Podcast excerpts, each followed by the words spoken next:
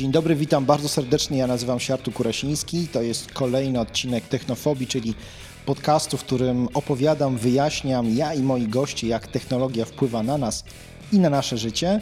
E, dzisiaj odcinek poświęcony energii, e, którego partnerem jest firma Esoleo i będziemy też mieli właśnie gościli gościa, gościli gościa, ha, e, osobę z firmy Esoleo. Krzysztof, czy mógłbyś się przedstawić nam wszystkim słuchaczom i milionom przy odbior- radioodbiornikach? Dzięki Artur. Krzysztof Dziaduszyński, członek zarządu spółki Esoleo oraz e, doradca prezesa zespołu elektrowni Pontów Adamów Konin. No Witam. i dlatego też, jak powiedziałem, że będziemy dzisiaj mówili o energii, to już teraz rozumiecie, z jakiego typu um, poziomem dyskusji, czy też dialogu e, e, e, rozmowy naszej będziemy mieli do czynienia, bo, no właśnie, tematów jest bardzo dużo. A, może zacznijmy od takiego bardzo prostego. E, ile osób w Polsce mm, zainstalowało już panele słoneczne? E, można powiedzieć, że ostatnie lata to ogromny boom w energetyce odnawialnej, szczególnie tej prosumenckiej, czyli tej takiej domowej, e, bo udało nam się przekroczyć już ponad milion dachów, które mają na górze mm, zainstalowane panele fotowoltaiczne. Do tego można by powiedzieć jeszcze kilkaset tysięcy solarów, które ogrzewają nam wodę. E, I rzec by można, Polska wskoczyła z szarego końca Europy na podium, bo jesteśmy zaraz za Niemcami e, najbardziej dynamicznym rynkiem, który się rozwijał. I tu podkreślam, że rozwijał się, ponieważ ostatnie e, miesiące to nastąpiła stagnacja, ale o tym pewnie jeszcze porozmawiamy sobie. Dokładnie tak. To powiedz y, z Twojego doświadczenia, co takiego się stało, że y, ten boom, trend, y, moda na panele fotowoltaiczne i w ogóle na, na, na, na OZE tak wybuchła w Polsce? Przede wszystkim to, że mamy energię za darmo, możemy ją czerpać w tym wypadku ze słońca, bo słońce jest głównym dostarczycielem energii do powierzchni Ziemi i technologia, która jest znana już od kilkudziesięciu lat, e, fotowoltaiczna, a technologia solarna od, e, można powiedzieć, paru tysięcy lat wręcz, e, pozwala nam pozyskiwać tą energię w prosty i łatwy sposób. I dzięki temu, że mm, technologia staniała, fotowoltaiczna, to trafiła pod strzechy, bo tak naprawdę nie patrzymy pod kątem ekologii, bo niewielu z nas e, zwraca uwagę na to, niestety. A ekonomia zmusza nas do tego, żeby e, szukać tańszych rozwiązań, tańszego pozyskiwania energii e, do naszych gniazdek i to właśnie jest dzisiaj najlepsze i najtańsze źródło, żeby zapobiegać szokowi na fakturze za energię elektryczną chociażby a dzięki prądowi z gniazdka możemy też e, ogrzać sobie dom, możemy ogrzać sobie wodę, z której korzystamy, więc e, już milion rodzin w Polsce e, korzysta z tego rodzaju taniej energii, bo jakby byli przekonało ich przede wszystkim do tego to, że będą oszczędzać i tak naprawdę po tych 5-6 latach zwrotu z inwestycji przez kolejne 20, 25, 30 nawet lat będą mieli tą energię naprawdę realnie za darmo. Hmm. Czyli to znaczy, że e, tak naprawdę no, z tego, co powiedziałeś, wynika, że e, jesteśmy mądrym narodem, który szybko policzył sobie, że bardziej nam się opłaca m, posiadać energię z, ze słońca niż z gniazdka i z, płacić od operatorów.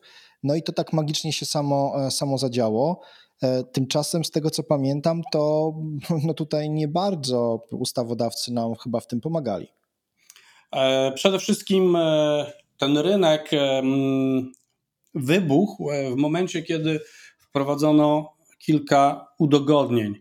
Przede wszystkim wprowadzono system prosumencki, czyli produkuje sobie na swoim dachu i zużywam w swoim domu. Nadwyżkę oddaję do sieci, bo wiadomo, słońce świeci w dzień, a w dzień bardzo często pracujemy, jesteśmy poza domem i nie korzystamy z tej energii elektrycznej, którą wygenerujemy na dachu. Więc oddawaliśmy ją do sieci, a potem wieczorem, w nocy czy w zimie, kiedy tego słońca jest mniej, moglibyśmy sobie odebrać tą energię. Teraz nastąpiły zmiany, które branża okrzyknęła zabiciem właśnie fotowoltaiki. Nie jest to prawdą oczywiście, bo dalej korzystamy z tej energii, dalej możemy produkować i korzystać bezpośrednio i zamiast przechowywać jej w sieci, odsprzedajemy do sieci, a sprzedajemy naprawdę w bardzo atrakcyjnych cenach. Tylko, że e, jak przez pół roku branża mówiła, a ministerstwo nie wspierało, nie zrobiło kampanii uświadamiającej, no to e, teraz się okazuje, że e, potencjalni nowi klienci mówią, no tak, ale mówiliście, że to się już nie będzie opłacało w nowym systemie. To się dalej opłaca, bo dalej ta energia jest darmowa, dalej na tej energii możemy zarabiać, oddając ją do sieci a potem kupując, tylko ktoś e, zamiast przechowania zapłaci nam e, za tę energię i dzięki temu będziemy mogli pokryć e, część kosztów za samą energię elektryczną. Niestety będziemy mogli w tym wypadku, musieli w tym wypadku pokryć koszty dystrybucji, ale pamiętajmy, koszty dystrybucji do kosztów samej energii to jest 30% do 70%, czasami 35% do 65%, czyli tak naprawdę 70% kosztów energii możemy sobie pokryć z tego, co wyprodukujemy i odsprzedamy do sieci. A w związku z tym jest to nadal opłacalne. Natomiast mm, jak to w Polsce takiej jeszcze dość biednej na dorobku, mm, często są potrzebne mm, zachęty ekonomiczne w postaci czy ulgi termomodernizacyjnej, dzięki której e, możemy od 9% czy tam 7% do 32% odzyskać e, kosztów inwestycji. Dzięki takim programom jak Mój Prąd czy Czyste Powietrze e, możemy dostać dotacje.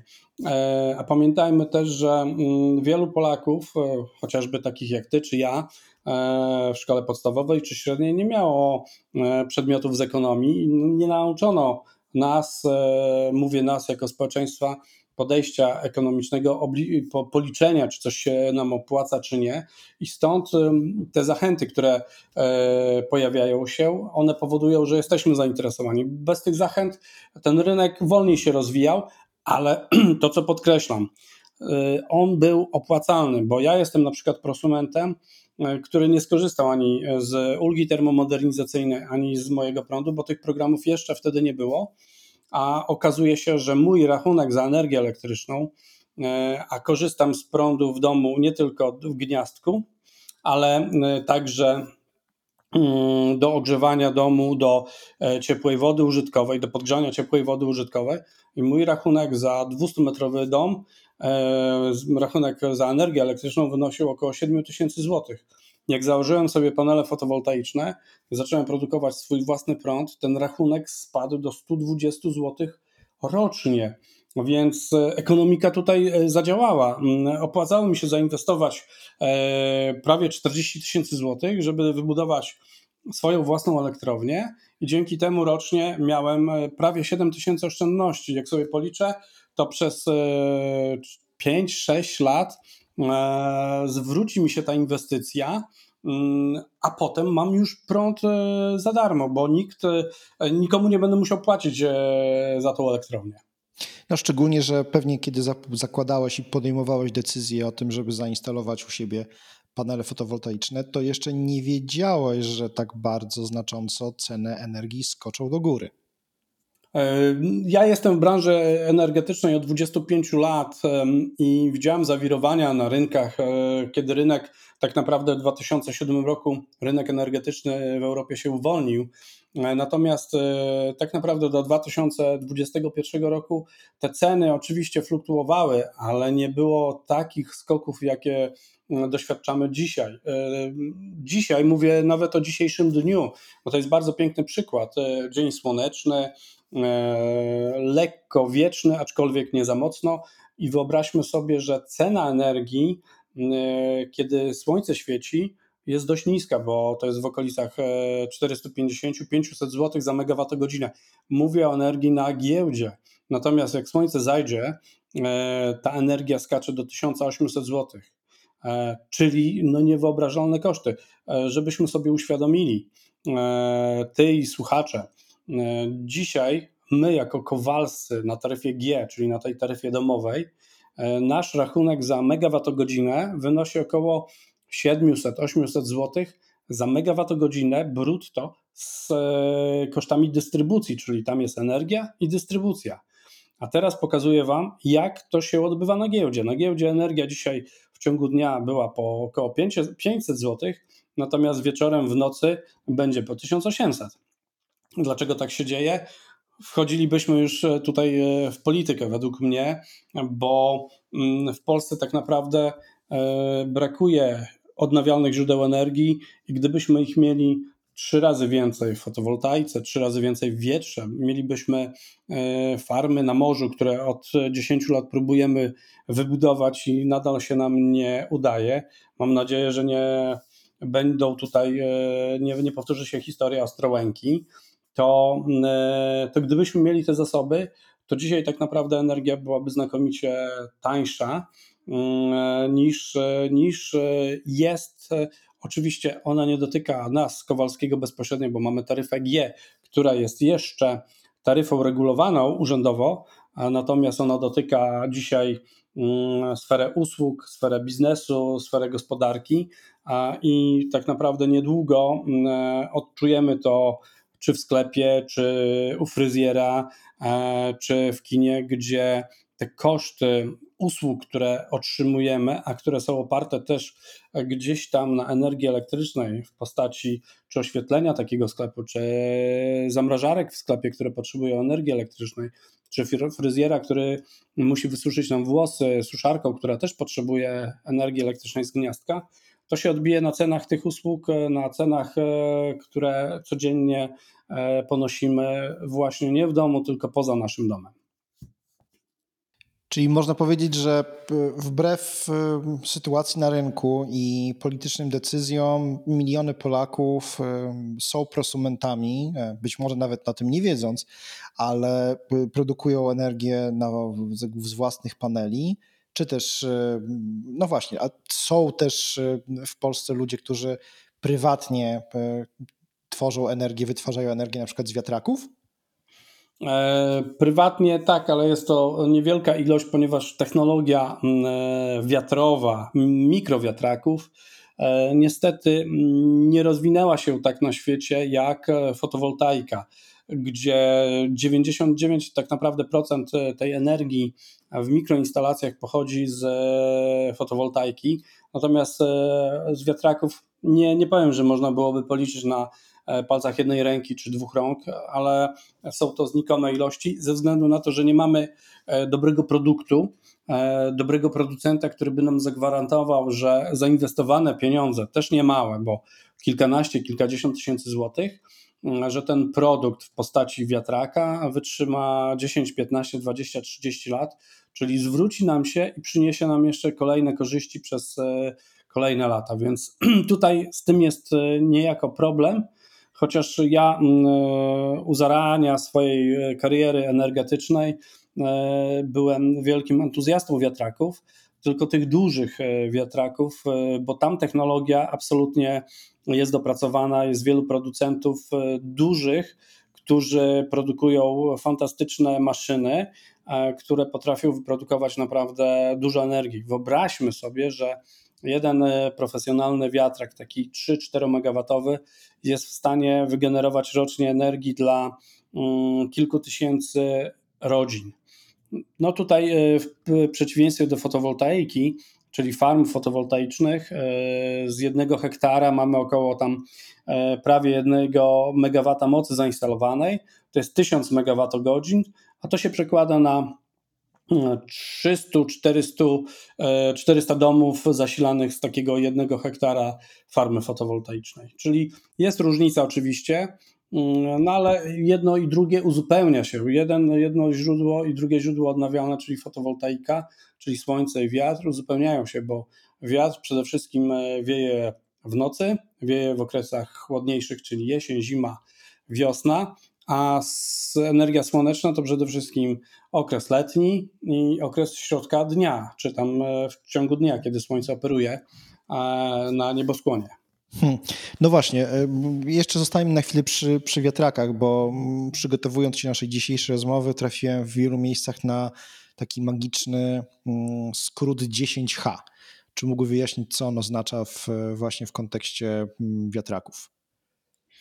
10H to jest e, odległość, e, na którą można lokalizować wiatraki. Odległość od najbliższej zabudowy. 10H to jest H to jest ta wysokość maksymalna wiatraka z łopatą, czyli wieża plus łopata to jest wysokość, czyli to magiczne H, a 10 to jest 10 odległości, czyli jeśli typowy wiatrak 3 MW ma mniej więcej 200 mm, metrów e, wysokości, czyli razy 10, czyli 2 km. W takiej odległości można lokalizować e, wieże, turbiny wiatrowe od zabudowań. Pamiętajmy, że Polska to jest e, kraj parków narodowych, parków krajobrazowych i Natury 2000. Tam, gdzie absolutnie nie można lokalizować wiatraków.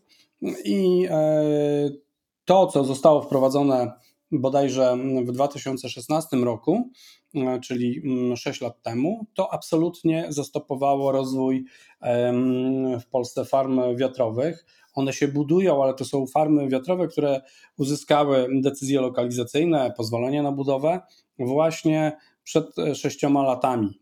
E, I tutaj zamiast e, rozwijać się, a do 2015 roku mieliśmy prawie 5-6 tysięcy megawatów mocy zainstalowanej w wiatrakach, e, to e, przez ostatnie 6 lat e, naprawdę niewiele przybyło tej mocy w wiatrakach.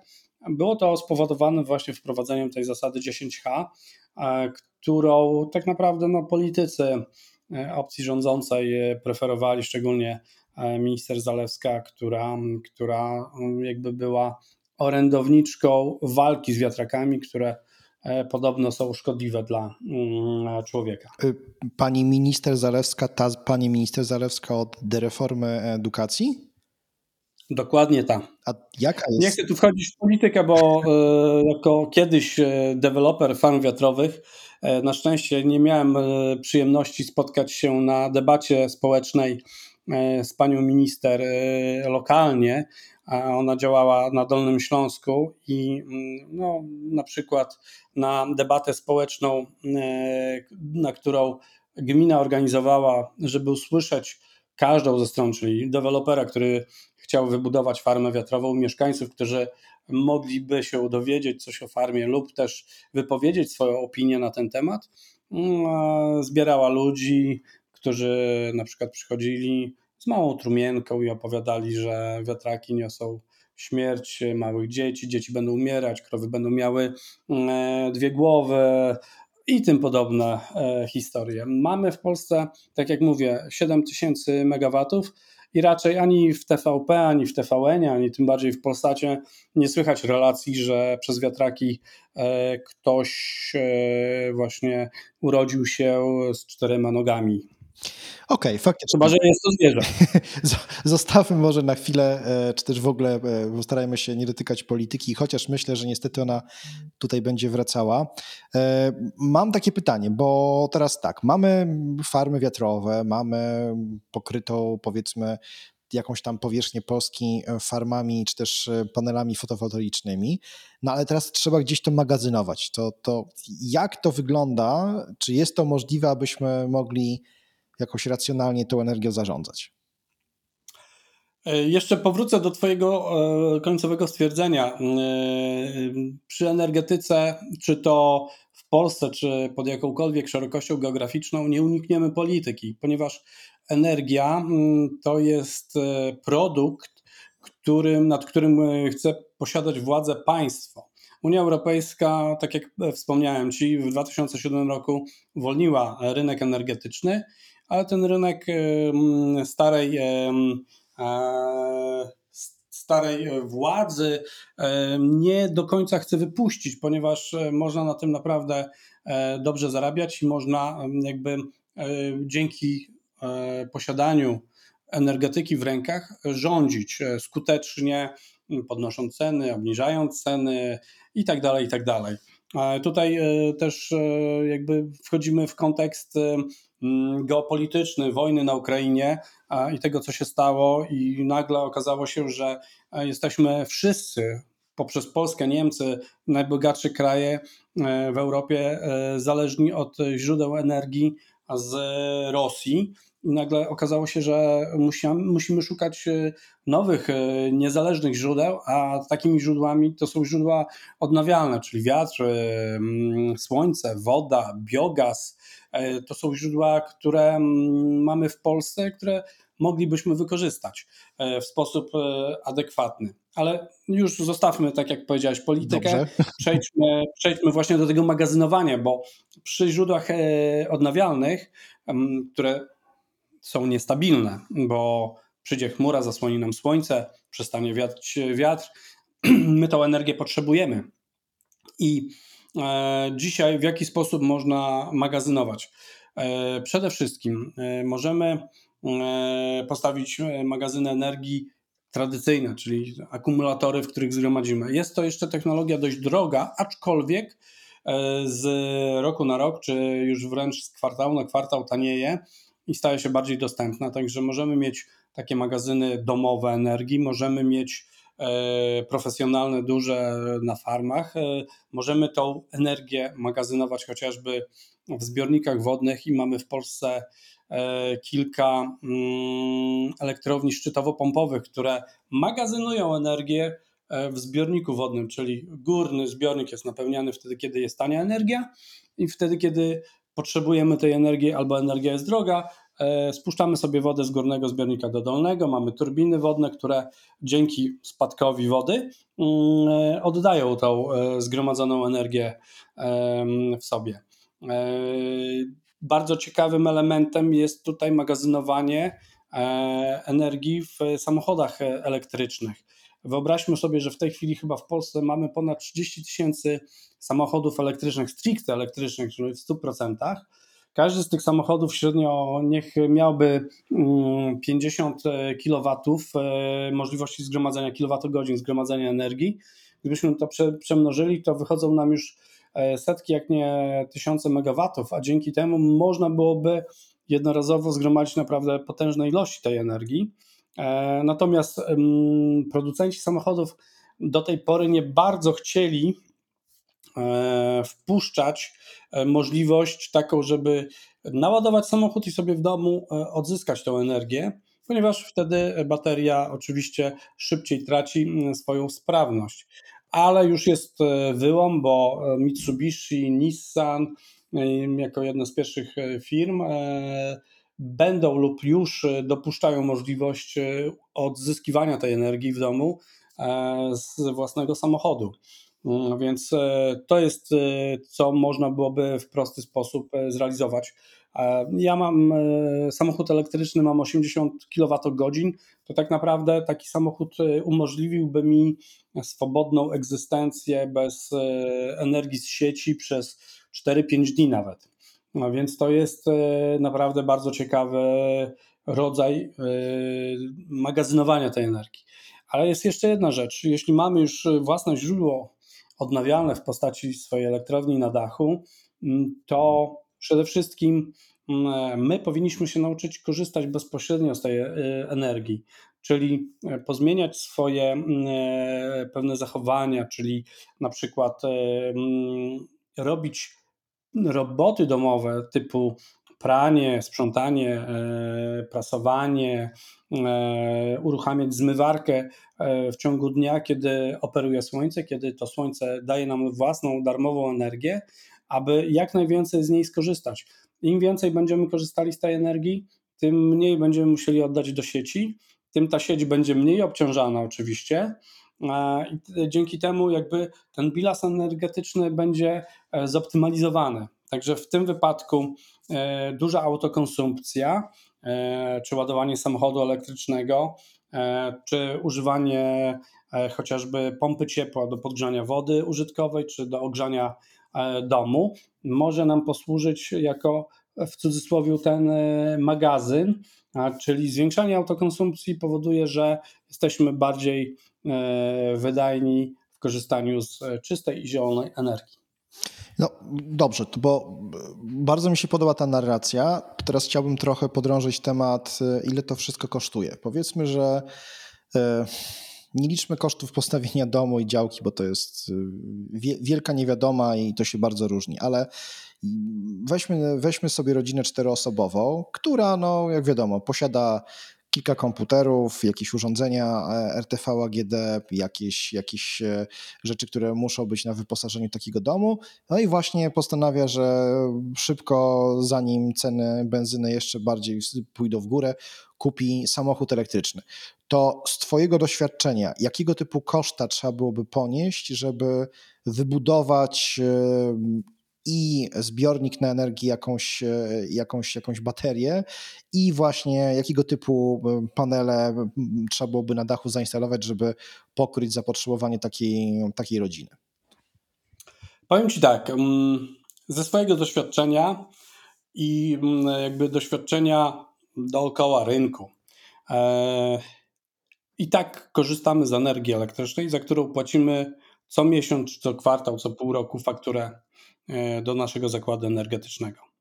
E, tak samo jest z ciepłem. E, jeśli mamy gaz, to musimy zrobić najpierw zaprojektować przyłącze gazowe, później je wybudować, później kupić piec, a później co miesiąc płacić rachunki do PGNiG-u za, za dostarczony gaz. Jeśli nie mamy gazu, mamy na przykład piec na ekogroszek, słyszymy teraz medialnie z 700-800 zł podrożało do ponad 3000. Rząd chce wprowadzić fajną cenę 996 zł za tonę, e, czyli trochę trąci nam to e, dawnymi czasami, czyli regulowanym komunizmem, socjalizmem, dokładnie tak. Już sobie wyobrażam, jak e, te tanie tony za 996 zł są sprzedawane po 2,5 tysiąca złotych no bo to fajny zysk. 150% e, e, zysku z takiego czegoś. Rewelacja. No ja kupię. Więc, e, nie, nie korzystam tak. z węgla i sprzedam i będę miał możliwość opłacenia rachunków na przykład na stacji benzynowej. Dokładnie, albo nazbieram sobie chrustu w, nowej, w nowym programie i też będę miał ciepło w domu. Ale wracając już z tych żartów naszych Przede wszystkim, ile to kosztuje? Ja e, cały czas powtarzam, e, to tyle kosztuje e, tak naprawdę nas e, dzisiaj, kosztuje nas przez okres 5-6 lat to, co i tak wydamy na energię elektryczną. Czyli jeśli nie podejmiemy tej decyzji tu i teraz, dzisiaj, że buduję sobie taką elektrownię, to i tak te same pieniądze wydam, tylko je będę wydawał do końca E, swojego życia, czyli do końca użytkowania swojego domu i tak dalej, i tak dalej. Bo jeśli to zrobię dzisiaj, to przez kolejne 25, 30, 35 lat ta instalacja mi się zwróci, a przez, e, oczywiście ona się zwraca przez 5, 7 lat, 8 powiedzmy, ale przez kolejne 20, 25 lat mamy tą energię za darmo, więc już nie będziemy ponosić tych kosztów, które dzisiaj normalnie ponosimy za energię elektryczną. Druga rzecz to jest. E, energia cieplna, czyli e, właśnie to, co musimy kupić, czyli ten węgiel, ten gaz.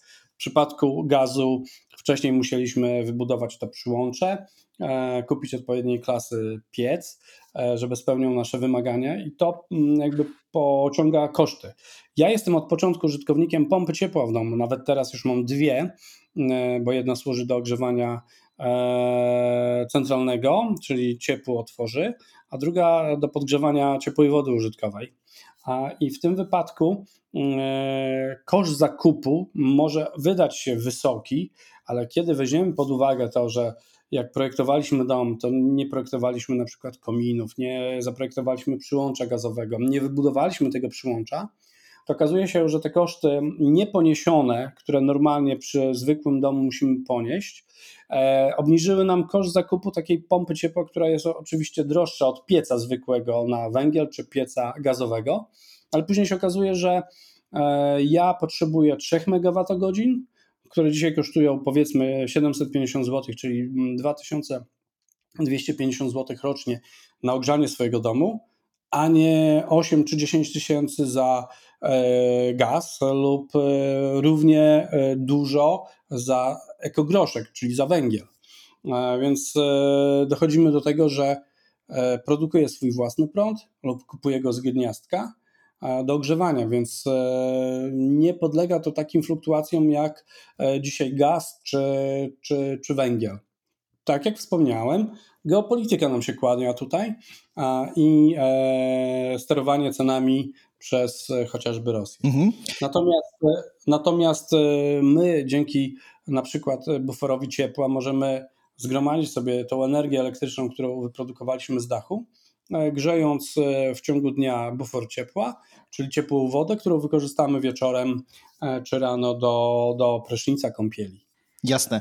Powiedz mi, jak wygląda kwestia żywotności paneli, bo wiem już mniej więcej, ile kosztuje mm, zbudowanie takiego hmm, kombosa na dachu, który pozwala nam na mega oszczędności, to teraz ile lat taka inwestycja, przez ile lat ona się będzie nam e, zwracała? Ile lat będziemy mogli z niej korzystać?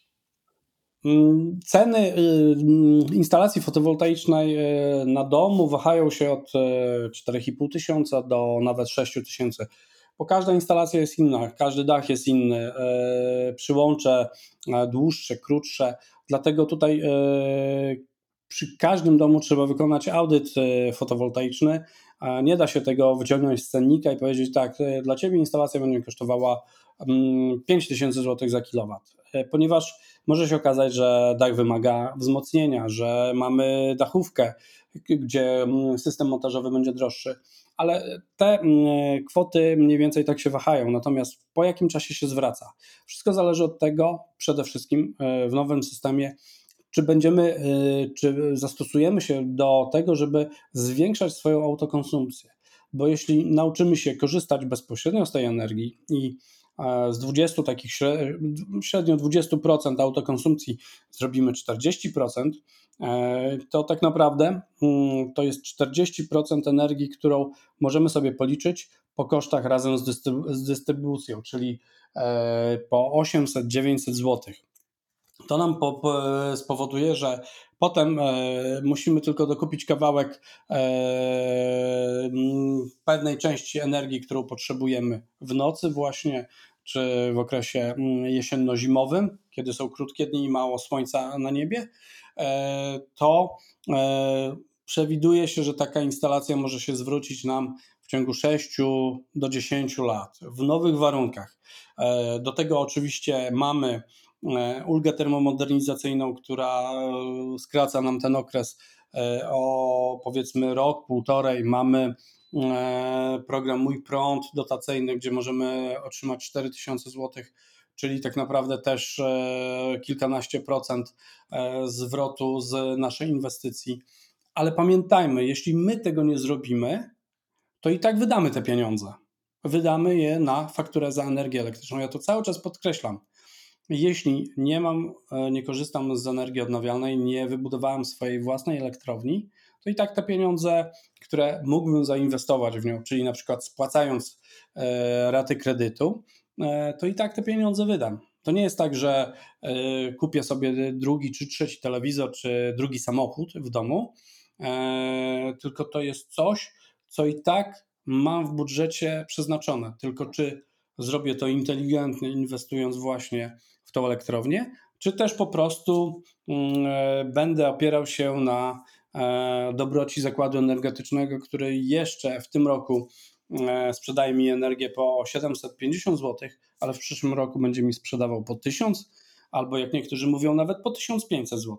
I tutaj jestem uzależniony od ich kaprysu, a mogę się uniezależnić właśnie posiadając własną elektrownię.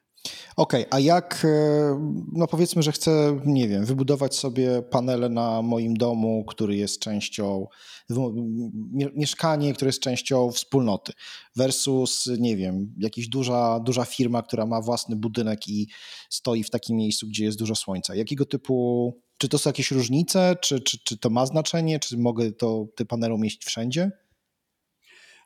Nowa ustawa mm, przewiduje tak zwanego prosumenta zbiorowego, czyli ty z twoimi sąsiadami, jeśli macie odpowiednio wielki dach, wielki, może być to kilkadziesiąt metrów kwadratowych tak naprawdę, e, moglibyście wybudować sobie taką elektrownię i poprzez e, swoją sieć wewnętrzną zasilać każde z mieszkań oddzielnie albo części wspólne. E, więc ustawa już to przewiduje i dopuszcza takie rozwiązania. Pod względem prawnym. Pod względem technologicznym też tutaj nie ma żadnych przeszkód, można to robić. Więc tak naprawdę otwiera się nam tutaj szersza gama osób, które mogłyby z tego korzystać. Tylko kwestia jest dzisiaj taka, że mamy e, dom e, wielorodzinny, czy to kamienicę, czy blok, czy jakiś apartamentowiec. Mm, I tak naprawdę no, musi się dogadać e, tych kilka, kilkanaście rodzin, wszyscy, żeby chcieli tego. Bo wiadomo, mamy spółdzielnie, mamy wspólnoty mieszkaniowe, no i niestety żyjemy w takim kraju, gdzie tam zawsze się jedna osoba zdarzy, która mówi: A, to na pewno się zepsuje, to w ogóle nie produkuje i znajdzie tysiąc innych powodów, żeby, żeby tego nie zrobić. Także można to zrobić e, nawet w swoim przypadku, e, powiedziałbym, w centrum Warszawy na kamienicy.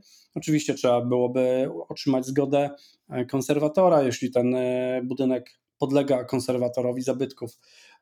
Jeśli to jest budynek nowy, no to wiadomo, trzeba przeprowadzić mm, audyt, sprawdzić, czy nie trzeba pozwolenia na budowę, ale wszystko takie mm, rzeczy E, my robimy, jak też wiele innych firm na rynku, e, które jeszcze, jeszcze są. Natomiast co do e, biznesu, absolutnie w biznesie już dzisiaj się to opłaca. My jesteśmy wykonawcą kilkuset instalacji na sklepy jednej z największych sieci handlowych w Polsce i oni już od dwóch lat skrzętnie realizują krok po kroku e, energetyzację każdego z ich budynków, bo wiedzą, że produkowanie e, własnego prądu da kolosalne oszczędności. I tak naprawdę w biznesie e, już dzisiaj ta energia, czyli ta, ta, ta elektrownia fotowoltaiczna może zwracać się 3, 4 czy 5 lat. Jeszcze krócej niż e, na naszym domu. Więc absolutnie e, jest to e, rozwiązanie, które bardzo interesuje biznes i ten mały mikrobiznes, jak i ten największy. Bo czy to będzie mm, kilka kilowatów na przysłowiowym kiosku czy kebabie, czy to będzie kilkadziesiąt kilowatów na średnim sklepie, e, czy to będą megawaty na fabryce, czy na halach, e, dają te same oszczędności, bo każdy kilowat e, mocy zainstalowanej panela skierowanego na południe pod kątem tam 15, 20, 40 stopni da nam 1 megawattogodzinę energii, którą możemy wykorzystać w ciągu roku. Jeśli ją e, wykorzystamy bezpośrednio, to ona jest o wartości 500, 800 czy 1500 zł. E, możemy, jeśli jej nie wykorzystamy, możemy odsprzedać w nowym systemie prosumenckim e, po 500, po 800, a nawet po 1000 zł wręcz. Więc te korzyści absolutnie są widoczne i szczególnie biznes, który bardzo często jest oparty na energii elektrycznej, żeby prowadzić swój biznes, E, już to docenił i widać, że coraz więcej firm nie tylko jest zainteresowanych, ale realizuje takie inwestycje. Oprócz e, farm wiatrowych, e, paneli fotowoltaicznych, często pojawia się też w kontekście OZE tak zwany zielony wodór. Co to jest i jak możemy go, czy możemy go używać, jakie są, nie wiem, jego potencjalne opcje rozwoju w przyszłości korzystania z niego? E, wodór, jak wiemy, pierwiastkiem jest powszechnym, bo tak naprawdę H2O, czyli e, woda, którą, którą pijemy, zawiera też wodór. Mm, tylko kwestia jest oddzielenia tego wodoru z różnych związków. Zielony wodór to jest wodór, który tak naprawdę został wytworzony dzięki energii pochodzącej z odnawialnego źródła, czyli tego czystego e, zielonego źródła. Bo szary wodór e, na przykład pozyskujemy podczas ekstrakcji e, ropy naftowej, bo wodór wykorzystujemy w wielu dziedzinach czy przemysłu, czy w ogóle życia naszego.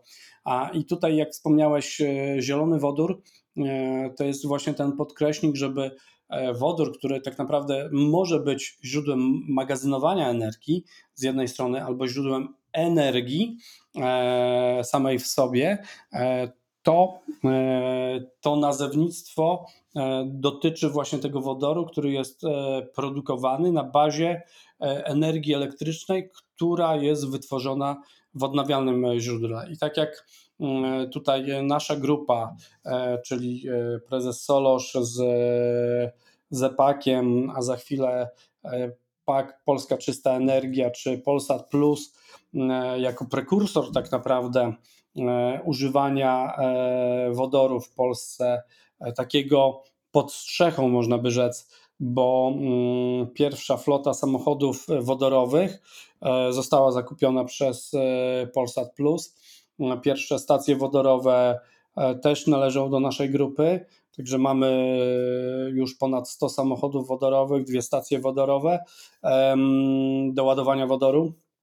E, stawiamy duży hydrolizer, który będzie produkował właśnie ten zielony wodór, e, dzięki któremu będziemy mogli zasilić e, samochody wodorowe, ale także autobus, który od podstaw został zaprojektowany w naszej grupie certyfikowany e, i tak naprawdę rusza produkcja e, pierwszego samochodu de facto elektrycznego polskiego, e, bo samochód wodorowy to jest samochód elektryczny, tylko zamiast tych baterii w podłodze, czy w suficie, czy w bagażniku, mamy zbiornik na wodór, który w, w mm, samochodzie jest przetwarzany później e, na energię elektryczną i zasilane są silniki elektryczne e, tym prądem.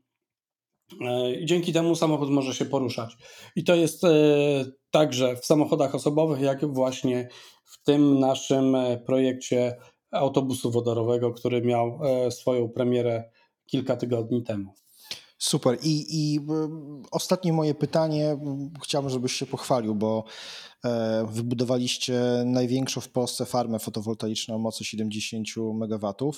Moje pytanie jest e, bardzo prozaiczne. Ile to kosztowało i czy kiedykolwiek to się zwróci? E, bardzo ciekawe pytanie. Tak, e, udało nam się e, zrobić taki flagowy projekt. Dlaczego flagowy projekt?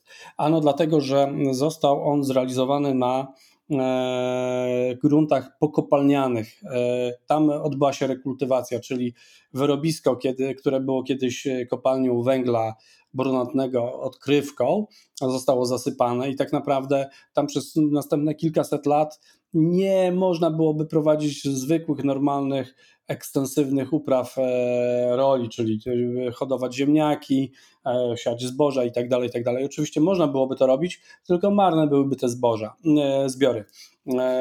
Myśmy to wykorzystali ten teren, który należał do nas, do tego, żeby zlokalizować i zaprojektować tam farmę fotowoltaiczną, która dzisiaj ma 70 MW, a niewykluczone, że będzie powiększona do 82 MW.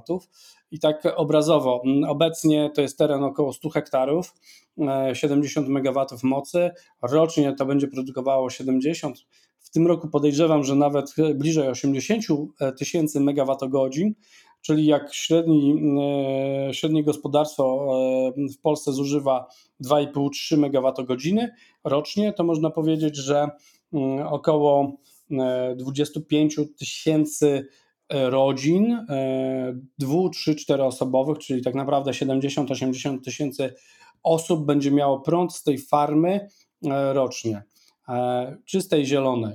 Farma kosztowała około 170 milionów złotych i czy ona się kiedykolwiek zwróci. E, dzisiaj ta farma sprzedaje energię mm, w takim kontrakcie PPA e, do odbiorcy, który później ją e, dalej odsprzedaje.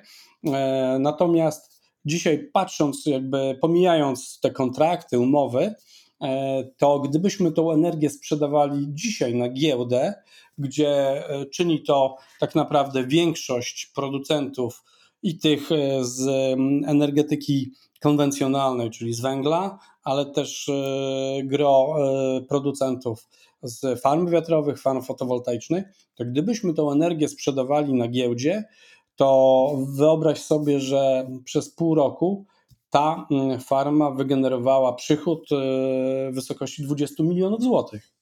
I mówimy o tym gorszym półroczu, czyli e, październik, listopad, grudzień, styczeń, luty, marzec, kwiecień i maj. E, więc ta, ta farma tak naprawdę, mm, ta inwestycja w farmę powinna zwrócić w 5, może 6 lat.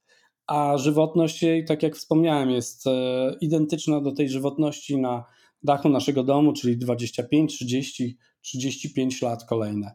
E, więc e, jest to inwestycja bardzo ekologiczna, w sensie takim, że wykorzystaliśmy e, miejsca zdegradowane przez człowieka, wcześniej właśnie kopiąc węgiel w tym miejscu. Wykorzystali, wykorzystaliśmy to. Dwa, wybudowaliśmy źródło odnawialne, bardzo czyste, które nie, nie emituje zanieczyszczenia, a, przede wszystkim daje nam czystą, zieloną energię i obniża naszą e, emisję CO2 z e, naszych elektrowni rzędu prawie lekko licząc 60 tysięcy ton CO2 nie wyemitujemy dzięki właśnie takiej farmie. To można sobie wyobrazić, E, tyle tysięcy ton. E, jedna tona emisji dzisiaj kosztuje około 80-90 euro. E, to zobaczmy, jakie oszczędności dla naszego kraju przynosimy właśnie z jednej takiej inwestycji. Hmm, nic, tylko inwestować w, w OZE wbrew pozorom. Tam jest bardzo dużo pieniędzy i to właściwie leżących, e, leżących no, można, może nie na ziemi, ale spadających, powietrzu. Spadających z nieba. Spadających, spadających z nieba. Z nieba. Doskonałe, doskonałe podsumowanie. Super. Szanowni Państwo, wszyscy słuchający, mam nadzieję, że rzucacie się teraz w tym momencie do na strony internetowe, między innymi Esoleo, ale również też tych firm, które oferują Wam pompy ciepła i po prostu będziecie zamawiali, bo usłyszeliście i się daliście przekonać, że e, inwestowanie w OZE przede wszystkim to jest oszczędność w Waszych portfelach i to jest ta wielka zmiana, która się dokonuje, i to wy możecie być tymi ludźmi, tymi podmiotami, które po prostu będą dokonywały tej zmiany. Nie czekajcie na, na rządy, nie czekajcie na, na ustawy, tylko po prostu weźcie sprawę w swoje ręce. No bo inaczej będziecie płacili ogromne pieniądze za, za to, że no niestety po prostu pewne instytucje będą chciały was, na was zarobić i to chyba szybko się nie zmieni. Tak czy inaczej, moim i waszym gościem był dzisiaj Krzysztof Dziaduszyński. Bardzo ci Krzyśku dziękuję za, za poświęcony czas. Dziękuję. I mam nadzieję, że się jeszcze usłyszymy w bliskiej przyszłości, e, ponieważ ten temat na pewno jest bardzo ciekawy i tutaj się będzie jeszcze wiele działo. Dziękuję. Dzięki.